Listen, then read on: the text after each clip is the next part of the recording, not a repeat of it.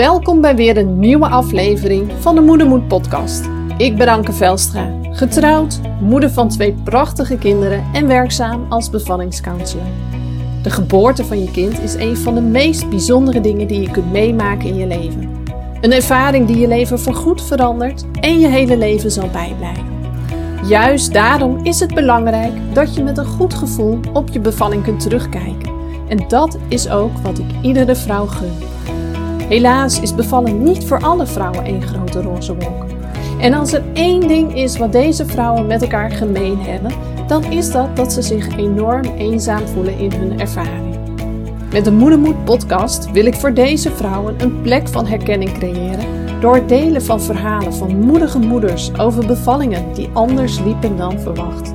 Expert-interviews en tips en inzichten vanuit mijn werk als bevallingscounselor en als ervaringsdeskundige.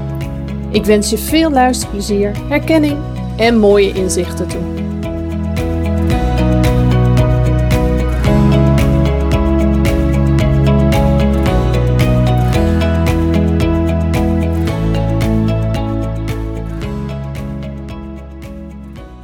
Hey, wat leuk dat je er weer bent bij een nieuwe aflevering van de Moedermoed podcast. Um, tweede week van mijn challenge, de eerste aflevering weer. Superleuk om te doen. Uh, ik merk wel dat het mezelf uh, behoorlijk inspireert om, uh, om ja, door te blijven gaan. Die commitment die ik met mezelf heb gehad, gemaakt is echt voor mij een, uh, een stok achter de deur om, om het wel te doen. Dus ja, goede keuze om te doen, zeg ik nu nog. Misschien denk ik daar over een week anders over. Maar ja, dan heb ik ook nieuwe kennis, een nieuwe ervaring. Die maakt dat ik er op een andere manier naar zou kunnen kijken. Uh, en zo is het natuurlijk ook heel vaak met bevallen. En dat is precies waar ik het vandaag over ga hebben in deze podcast. Um, even, het is vandaag uh, maandag. Ik weet zo uit mijn hoofd niet eens uh, meer welke datum. Oh, dit is echt wel verschrikkelijk. Ik ben helemaal niet zo met datum bezig geweest. Uh, maandag 13, 13 september. Goed om te weten.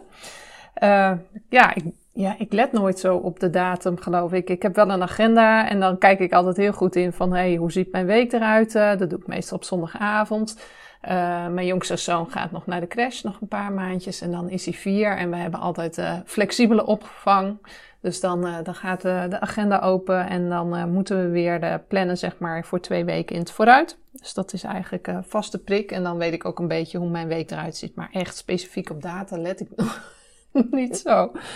We hebben een leuk weekend gehad. Ik hoop dat jij ook een uh, leuk weekend uh, hebt gehad. Wij uh, hadden een poosje geleden kaartjes, vrijkaartjes gewonnen via de postcode loterij. en met die kaartjes konden we een pretpark naar keuze bezoeken. Dus wij zijn gisteren als gezin naar de Apenhul geweest. Stond al een, een poosje op ons lijstje. Normaal gesproken voor corona gingen we altijd uh, één keer in het jaar uh, op familieweekend uh, in die buurt. En nou ja, het stond op het lijstje om het dan een keer te gaan bezoeken. maar ja, toen kwam corona, familieweekenden gingen niet meer door. dus ook de apenhul niet. Dus hoe leuk was het dat we nu met deze kaartjes toch die kant op konden gaan.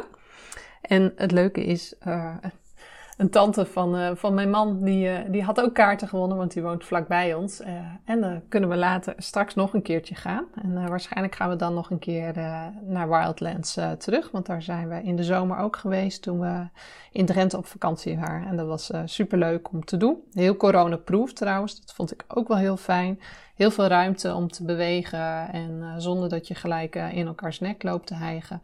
Dus dat vond ik echt wel een aanrader. Dus waarschijnlijk gaan we daar nog een keer Maar goed, dat was even een zijspoortje. ik ga gewoon heel snel verder met het onderwerp waar ik het over ga hebben. En als je me al een beetje kent en me al wat langer volgt, dan weet je dat ik soms behoorlijk uitgesproken kan zijn. en dat ga ik vandaag, denk ik, in deze podcast ook zijn.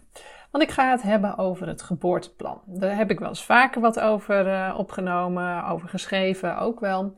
Um, maar goed, een groot deel van mijn werk uh, bestaat uit het uh, doen van traumawerk. Um, ik doe ja, meerdere cliënten per week die last hebben van een bevallingstrauma. Die begeleid ik bij de verwerking van het bevallingstrauma.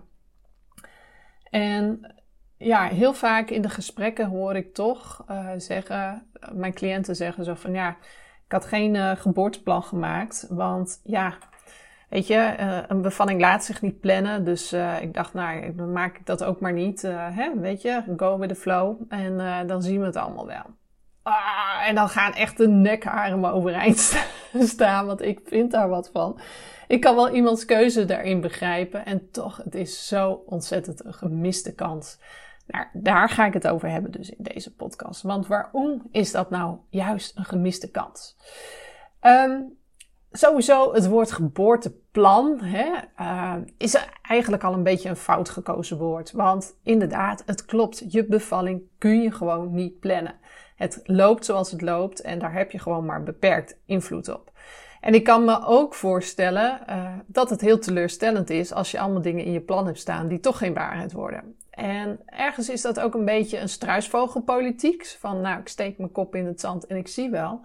Want als jij niks plant en nergens over nadenkt en uh, ja, het allemaal maar op je af laat komen, uh, kun je natuurlijk ook niet teleurgesteld worden. Want er stonden dus niet dingen in het plan. Je had niet over bepaalde dingen nagedacht die toch geen waarheid zijn geworden.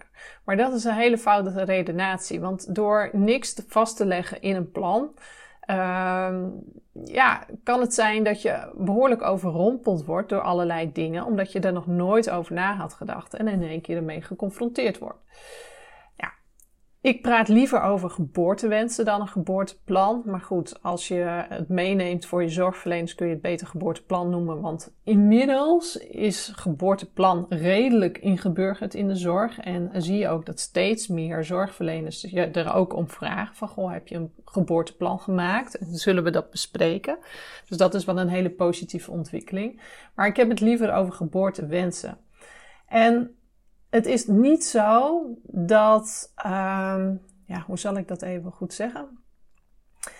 Eigenlijk draait het bij je geboortewensen vastleggen uh, niet zozeer om het eindresultaat, het plan aan zich, maar het draait eigenlijk veel meer om het proces daarnaartoe. Het gaat over de gesprekken die je hebt gevoerd met uh, bijvoorbeeld je partner of je geboortepartner. Um, het gaat over de gesprekken met je zorgverleners. Het gaat over informatie vergaren, kennis uh, vergaren. Uh, het gaat over ja, keuzes maken, weten wat je opties zijn. Het, het, het is zo breed omvattend. En als je dat, dat is gewoon een proces als je daar doorheen gaat. En juist dat hele proces is zo ontzettend waardevol. Ik maak een klein uitstapje naar mijn eigen ervaring van de bevalling bijna vier jaar geleden van mijn, uh, mijn jongste zoon. Um, het was heel bizar, maar ik heb eigenlijk de hele zwangerschap het gevoel gehad van dit gaat niet zo goed voor mij aflopen. Ik, ik had een diep vertrouwen dat het helemaal goed zou komen met mijn zoon. Daar heb ik nooit aan getwijfeld. Maar ik wist wel over mezelf dat, dat het voor mij niet heel makkelijk zou worden. Dat voelde ik zo sterk aan. En ik heb er van alles aan gedaan, echt waar. Ik, was, uh, ik heb heel veel persoonlijke ontwikkeling gedaan. Uh, ik ben ontzettend goed in het uh, positief herframen zeg maar, van negatieve gedachten. Eigenlijk ben ik ook totaal geen piekeraar meer. Vroeger was ik dat wel heel erg. Um, dus ik ben daar heel goed in geworden. En um, ik, ja, ik werkte ook met wet van de aantrekkingskracht, met afstemmen. En ik kon me heel goed afstemmen op datgene wat ik wil. Ik schreef veel in mijn boekjes hoe ik het voor me zag, wat ik graag zou willen. En toch dat diepe gevoel, dat onderbuikgevoel bleef. Nou, toen ik met 26 weken zo'n beetje geconfronteerd werd met een eerste bloeding eh, als gevolg van een placenta previa en opgenomen werd en klaargestoomd werd dat mijn zoon mogelijk binnen een week geboren zou worden. Ja, toen werd er wel even flink geschud, zeg maar, aan mij. Uh, en toch dat diepe vertrouwen dat het goed zou komen met mijn zoon. Het, het, het kon er ook ergens niet in ik, bij mij. Ik, weet nog dat ik in die ambulance geschoven werd om naar het uh, academisch ziekenhuis gebracht te worden. En dat ik echt gewoon lachend in die ambulance lag. Zo van, nou, het is een soort uh, een nachtmerrie. Of ik weet niet waar ik nu in sta. Een film of zo. Maar dit, dit gaat niet over mij. Nee, dit, dit komt goed. Hè? En door, door alle voorbereiding waar je doorheen gaat, de gesprekken met, uh, met de, uh, de kinderintensivisten over uh, ja, wat kun je verwachten als je kind met ruim 26 weken geboren gaat worden. ja, dat maakt, er wordt je zoveel angst aangepraat, uh, dat je ook eigenlijk op een gegeven moment een soort van angstig wordt. En toch wist ik wel ergens diep van binnen van ja, maar dit gaat niet waarheid worden. Dit is niet mijn scenario, dit is niet ons scenario. Maar goed, met mezelf had ik wel een ander uh, beeld erbij. Um, nou ja, goed. In die tussenliggende periode, hè, tussen de 26 weken toen ik voor het eerst werd opgenomen en uh, de uiteindelijke keizersnede, want hij kon er echt niet uit. De placenta lag er uh, als een soort pannenkoek over, uh, over mijn baarmoedermond heen. Um, de eerste weken waren pittig, merk ik. En daar heb ik ook weinig bewuste herinneringen aan. Ik was zo bezig van, ik wilde absoluut niet terug naar het academisch ziekenhuis. Ik wilde echt, als het dan moest bevallen, in mijn eigen ziekenhuis vlakbij. Dus ik heb die eerste weken heb ik in een soort ja, roes geleefd of zo. Maar ik, ik ben niet helemaal aanwezig geweest. En pas toen ik de 32 weken had bereikt, toen kon ik weer ademhalen voor mijn gevoel. En wist ik ook van, nou ja, als hij nu geboren wordt, kan het gewoon hier in het ziekenhuis vlakbij. En uh, ja, dat vond ik voor mij gewoon veel fijner. Um, dus uh, toen ging ik ook weer een soort van leven en uh, was dat heel anders. Maar in die periode ben ik me wel heel erg um, gaan inlezen. Ik had natuurlijk die placenta die voor de uitgang lag. En ik kwam er ook vrij snel achter dat in hele zeldzame gevallen die placenta niet alleen uh, voor de uitgang lag, maar ook nog vastgegroeid kon zitten in de baarmoeder. En ik was daar, uh, ja, hoe zal ik het zeggen? Ik voldeed aan een aantal criteria, of een aan, ik, ik had er een iets grotere kans op, omdat ik een aantal dingen uit het lijstje kon ik afvinken. Die waren van toepassing op mij. En dat met dat sterke gevoel van het, het, gaat met mij niet zo lekker aflopen, dat, dat was wel dat ik zoiets had van ik moet hier gewoon alles van weten. Dus ik ben echt in elk wetenschappelijk onderzoek gedoken. Ik heb gesprekken gehad met mijn man en met een vriendin van mij die uh, op dat moment in datzelfde ziekenhuis werkzaam was als uh, artsassistent gynaecologie. En heel veel bevallingen deed en ook wel met dit soort uh, situaties te maken had. En ik heb met hen heel veel gesprekken gehad over hoe ik dit voor me zag, wat mijn angsten waren, wat ik had uitgezocht, uh, wat mijn opties waren, had ik ook allemaal zelf uitgezocht. Want eigenlijk werd ik daar niet goed door over geïnformeerd door mijn zorgverleners. En werd dat onderwerp soms ook wel eens een beetje omzeild. Zo van, joh, maar hè, dat komt allemaal wel goed met jou. Ja, maar daar koop ik niks voor, want ik ben onzeker over dit onderwerp en ik maak me hier zorgen over. En ik, ik heb er gewoon iets meer kans op dan een ander, gezien uh, de aantal risico... Uh, ja, ja, ik, ik val in de risicogroep, laat ik het zo zeggen. Dus ik dacht, nou ja, als ik het dan niet krijg, dan moet ik het zelf maar zoeken. Dus dat zijn ontzettend waardevolle gesprekken geweest op basis van alles wat ik zelf had uitgezocht met mijn man en, en met mijn vriendin. En heel langzaam begon er eigenlijk een, een, een plan te ontstaan. Een plan A, zeg maar, in het allergunstigste geval. En een plan B voor als het anders loopt dan verwacht. En uh, dat plan dat ging niet zozeer over uh, ik wil per se uh, op zo'n manier bevallen en dit en dat en dat. Tuurlijk had ik daar wel een aantal wensen in. Um, maar het ging veel meer over hoe wil ik me voelen tijdens de uh, bevalling? Wat is daarin voor mij belangrijk? Um, voor mij was het heel belangrijk dat er, dat er een rustige sfeer was. Um, hoe wil ik benaderd worden? Wat is voor mij helpend? Um, en het ging ook veel meer over, ja, wat als ik wel angstig zou worden of in paniek zou raken? Hè? Wat, wat moesten we dan doen? Dat was eigenlijk het gunstigste plan. Plan A, zeg maar. En natuurlijk had ik daar ook wel wat omgevingswensen in. Ik wilde sowieso heel graag uh, zoveel mogelijk een gentle sexio. Dat was ook mogelijk. Ik wilde heel graag meekijken als de baby geboren werd. Ik vond het ook heel fijn als het licht gedimd zou worden in de OK op het moment dat mijn baby uit de buik zou komen. Moest even nagevraagd worden of dat kon, maar dat kon prima. Um, nou ja, zo had ik nog een aantal van dat soort kleine wensen die soms een beetje buiten het protocol vielen, maar wat geen enkel probleem bleek te zijn op het moment uh, dat ik ze bespreekbaar maakte. En um, ja, verder ging het eigenlijk veel meer over mij, mijzelf als persoon en wat ik nodig had om die bevalling goed door te komen. En dan hadden we nog plan B. En plan B was dat, dat voorgevoel, dat, dat onderbuikgevoel, wat al de hele zwangerschap bij me is gebleven. Ehm, als dat waarheid zou worden. Als dus niet alleen die placenta voor de uitgang zou liggen, maar ook vastgegroeid zou zitten. Als ik heel veel bloed zou verliezen tijdens de bevalling. Als ik uh, daardoor misschien op de IC terecht zou komen. Of dat men zou moeten besluiten mijn baarmoeder eruit te halen als het bloedverlies te groot en te snel is. Want dat is iets wat ze heel snel doen. Maar doordat ik wist wat mijn opties waren, wist ik ook dat er nog twee stappen tussenin gezet konden worden alvorens ze mijn baarmoeder eruit zouden slopen. Dus, en ik had dat allemaal besproken met mijn man, met mijn vriendin. Zij wisten haar fijn wat mijn wensen waren. Echt.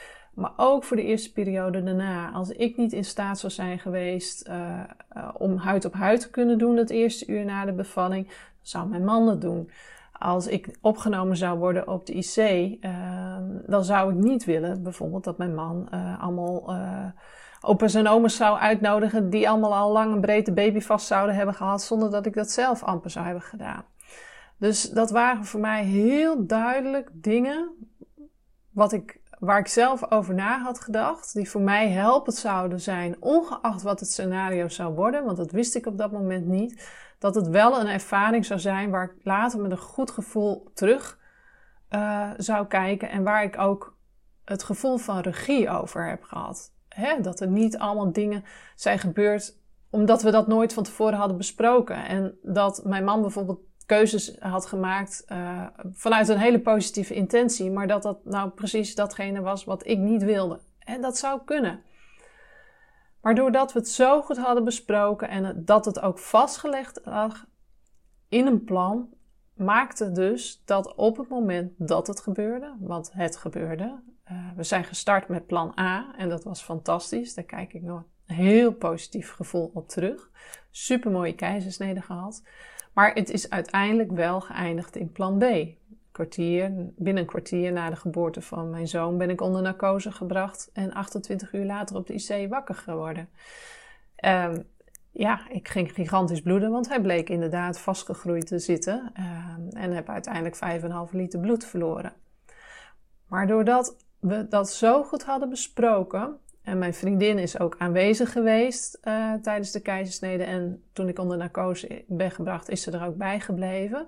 Zij is mijn wombkeeper geweest, mijn baarmoederbehouder, zeg maar. En zij heeft de artsen samen met mijn man uh, er ook op gewezen van... hé, hey, nee, we gaan eerst deze opties proberen. En als dat niet lukt, dan is de laatste optie baarmoeder eruit. Want ze willen hem gewoon heel graag behouden.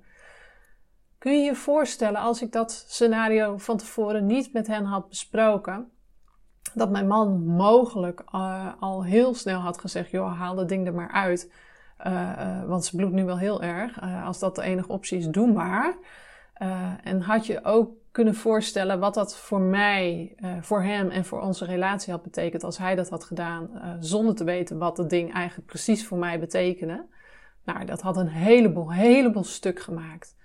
En dat is gewoon nu niet gebeurd, omdat hij precies wist hoe ik erin stond, wat mijn wensen waren. En hij kon dat eh, verwoorden voor mij op het moment, mede via mijn plan, toen ik dat zelf niet meer kon.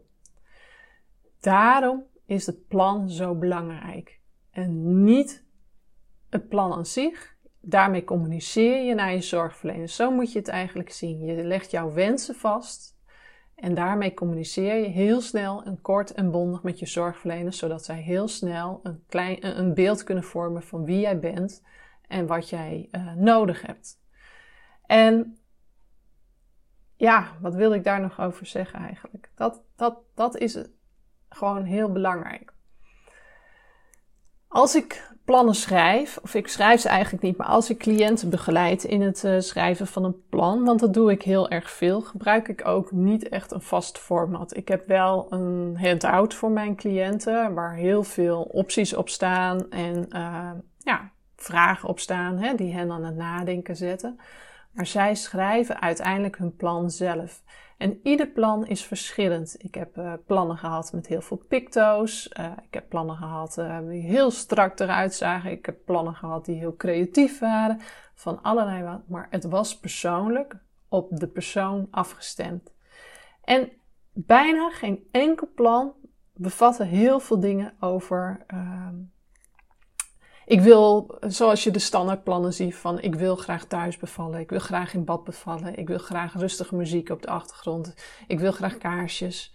Weet je, als je plan alleen uit dat soort dingen bestaat en het loopt anders, compleet anders dan je had verwacht en ja, weet je, eh, dat kan ook jou overkomen. Hè? Eh, je kunt je nog zo goed voorbereiden, je kunt je zo goed afstemmen, je kunt zo goed positief denken.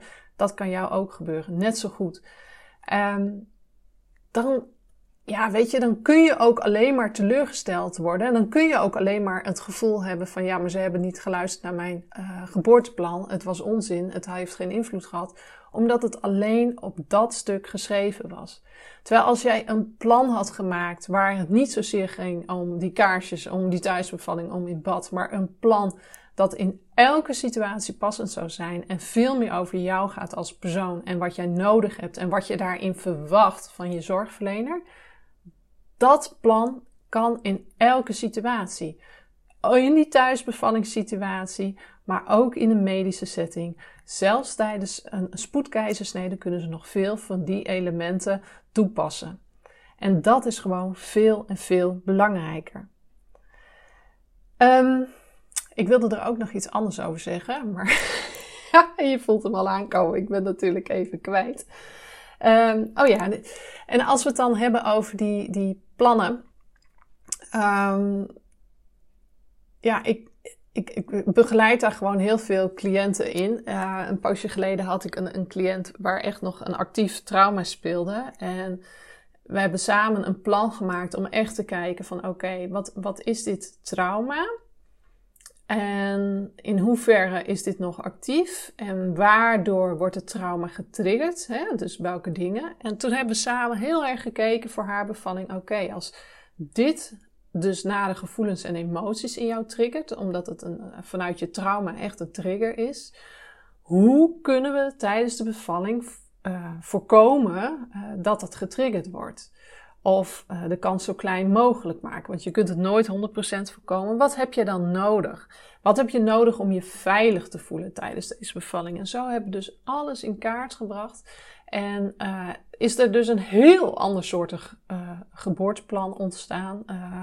maar wel heel duidelijk. En het mooie was dat ik mocht erbij zijn met de bevalling. In dit geval was het een geplande keizersnede. Dat elke zorgverlener was op de hoogte van wat er in dat plan stond. En heeft zijn best gedaan om dat zoveel mogelijk na te leven. Um, zelfs twee keer eh, ben ik als, als doula nog even in overleg geweest met de zorgverlener om even mondeling nog af te stemmen wat erin stond. Waardoor we ervoor hebben kunnen zorgen dat deze vrouw met een heel veilig gevoel door die keizersnede heen is gegaan. En denk ik, daar draait het om. Als jij je moet eigenlijk dat geboorteplan zien als een communicatiemiddel naar je zorgverlener, zodat zij jou een beetje leren kennen en weten wat jij nodig hebt om er een zo goed mogelijke ervaring mee te maken. Want iedere zorgverlener, ik, ik kan me dat ook niet anders voorstellen, heeft een positieve intentie en gaat vanuit zorg, uh, uh, wil graag zorgen voor mensen, want anders werk je niet in de zorg. Alleen de manier waarop ze het doen, hoeft niet per se de allerbeste manier voor jou te zijn. Dat kan misschien wel voor je buurvrouw zijn, maar misschien niet voor jou. Dus hoe duidelijker jij kunt hen kunt aangeven van hey, dit heb ik nodig van jou, hoe beter zij daarbij aan kunnen sluiten en hoe groter de kans is dat het een positieve ervaring wordt. Een heel simpel voorbeeld. Ik, ik had met een cliënt, uh, die moest uh, een keizersnede. En uh, nou ja, normaal gesproken is, zijn men ze dan gewend dat er dus al op de afdeling een katheter geplaatst wordt, zodat uh, dat niet meer hoeft op de OK. Maar dat was voor deze cliënten heel, heel spannend. En uiteindelijk hebben we het zo kunnen regelen dat de, de katheterpas werd geplaatst na het zetten van de ruggenprik. We hebben toen beide belangen afgewogen. Zo van, hé, hey, de ene voel je het niet, maar zijn er wel meer mensen. De andere is meer private, zeg maar. Maar uh, voel je het? Hè? Waar, zit je dan ergens? Maar dit was de beste optie voor deze cliënt. En toen we binnenkwamen, s ochtends toen we ons moesten welden... Uh, toen was er dus een zorgverlener die niet op de hoogte was van een andere afspraak die op papier uh, vastlag. Dus ik begon ook gelijk, nou, dan gaan we zo meteen even de katheter plaatsen. En ik zag mijn cliënt op dat moment gewoon verstijven. En die kon op dat moment niet meer zeggen, ja, maar hou eens even, dat, dat zouden we anders doen. Dus ik kon dat op dat moment doen. En ook verwijzen naar uh, het geboorteplan. Hè, dus je kunt je voorstellen, als je daar niks over vast hebt gelegd, uh, dat je dus met dit soort vragen enorm overvallen kunt worden. En uh, dat er dus dan juist dingen gebeuren die jij niet wilt. Maar omdat je er niet op voorbereid bent, overvalt het je. Meestal gebeuren dat soort dingen altijd in een situatie waar wel wat spanning of stress speelt. Als er spanning of stress speelt, ja, werkt je brein gewoon anders. Kun je niet meer zo goed rationeel denken. Kun je niet zo goed meer voor en tegen ze afwegen. Weet je, dan maak je gebaseerd eigenlijk op angst, een, een, een angstrespons, maak je dan je keuzes. En de kans is heel groot dat je daar later met een KUT-gevoel op terugkijkt. Oké, nou. Volgens mij uh, heb ik zo wel uh, lang genoeg uh, over dit onderwerp gekletst. Ik denk dat mijn punt heel erg duidelijk is en helder is. Maak alsjeblieft dat geboorteplan. En maak het wel op zo'n manier dat het in alle situaties toepasbaar is. Dat het meer gaat over jou en wat jij nodig hebt en van de ander. Dan over allerlei uiterlijkheden. Weet je, dat is uiteindelijk maar bijzaak. Um, ik hoop dat je wat met de informatie kunt die ik uh, heb gedeeld in deze podcast. Uh, ik vind het altijd super leuk als je me dat uh, wilt laten weten in een reactie. Ja, ik zit hier natuurlijk wel momenteel drie keer in de week een heel verhaal te houden. Maar als mijn verhaal niet aankomt of totaal een plank mislaat, dan hoor ik dat ook graag. Want ik wil heel graag dingen over dingen praten in deze podcast waar je ook echt wat aan hebt en waar je ook mee verder kunt. En ja, dus laat me vooral in een reactie weten of je iets hebt gehad aan de inhoud van deze podcast. Um, ja, wat is misschien nog leuk om te vertellen? Oh ja, dat is nog wel leuk om te vertellen. Um, ik heb uh, een collega, uh, Doula, Doula Olga. Misschien ken je er wel, misschien volg je er ook wel. En um, Doula Olga en ik, wij uh, ja, doen regelmatig wel eens iets samen. Wij zijn sowieso elkaars backup. Dus weet je, als doula, doula is een redelijk solo beroep. Maar goed, als je meerdere bevallingen hebt, of uh, hè, er kan bij ons ook eens een keer iets tussenkomen. Uh, stel je voor, ik breek mijn been uh, morgen, of je krijgt bijvoorbeeld corona en je hebt wel cliënten staan, is het wel heel fijn dat je iemand achter de hand hebt, een hele fijne collega met wie je, of aan wie je met een heel gerust hart je cliënten kunt overdragen. Nou, dat doen Olga en ik doen dat voor elkaar. Dus dat is wel, wel heel fijn. Maar wij voor de coronatijd waren we ook bezig om samen een, uh, iets te ontwikkelen. En dat is toen eigenlijk helemaal tot stilstand gekomen door corona. En daar hebben we best wel heel erg van gebaald. Maar we hebben uh, vorige week en de week daarvoor uh, hebben we de draad samen weer opgepakt. En we zijn bezig met een ontzettend leuk idee. wordt iets compleet anders dan, dan we normaal doen. Maar daarom is het ook heel erg leuk. Um, het wordt zeg maar een, uh, een geboortecursus, of ook wel zwangerschapscursus, maar eigenlijk is het veel liever een geboortecursus um, voor jou. En hij is anders dan wat je normaal verwacht tijdens een geboortecursus, want het gaat over jou. Want de persoon die jij bent, uh, neem je ook mee de bevalkamer in. En ja, ja, dat is tof voor een nieuwe podcast. Daar ga ik de volgende keer wel verder over uh, praten. Maar het gaat dus heel erg over jouzelf. Het proces uh, uh, over wie jij bent als persoon. En je plek durven innemen. daarnaast ga je ook flink in de watten gelegd worden. Daar hebben we ook allemaal leuke ideeën over. Het bestaat uit twee dagen. Eén dag die helemaal in het teken staat van jou. Uh, en ook over je eigen proces gaat. En de tweede dag is er, is er eentje samen met je partner. Volledig verzorgd. Um, het, is, het is nieuw, dus we gaan het de eerste keer aanbieden voor een uh, speciale pilotprijs. Um, ik heb er nog geen informatie over. Ik heb er nog geen pagina over op mijn website. Maar als je meer wil weten, als je geïnteresseerd bent, ga trouwens in Leeuwarden zijn. Dat is ook wel even goed uh, om te weten. Of in ieder geval Friesland. Dat, dat is goed. Ik dacht Leeuwarden, maar we hadden afgesproken. Het gaat in de provincie Friesland zijn. Dat sowieso. en we hebben ook al data gepland. En uit mijn hoofd gaat dat in november zijn. dus heb je zoiets van, nou, dit vind ik wel interessant, ik vind dit wel leuk. Ik wil wel wat meer info, laat me gerust weten. Stuur me even een berichtje via social media of via contact.ankevelstra.nl en ik vertel je er heel graag alvast wat meer over. Dat was nog een kleine afsluiter. Bedankt weer voor het luisteren. ik hoop dat je het weer waardevol vond. laat het me vooral weten en heel graag weer tot de volgende podcast.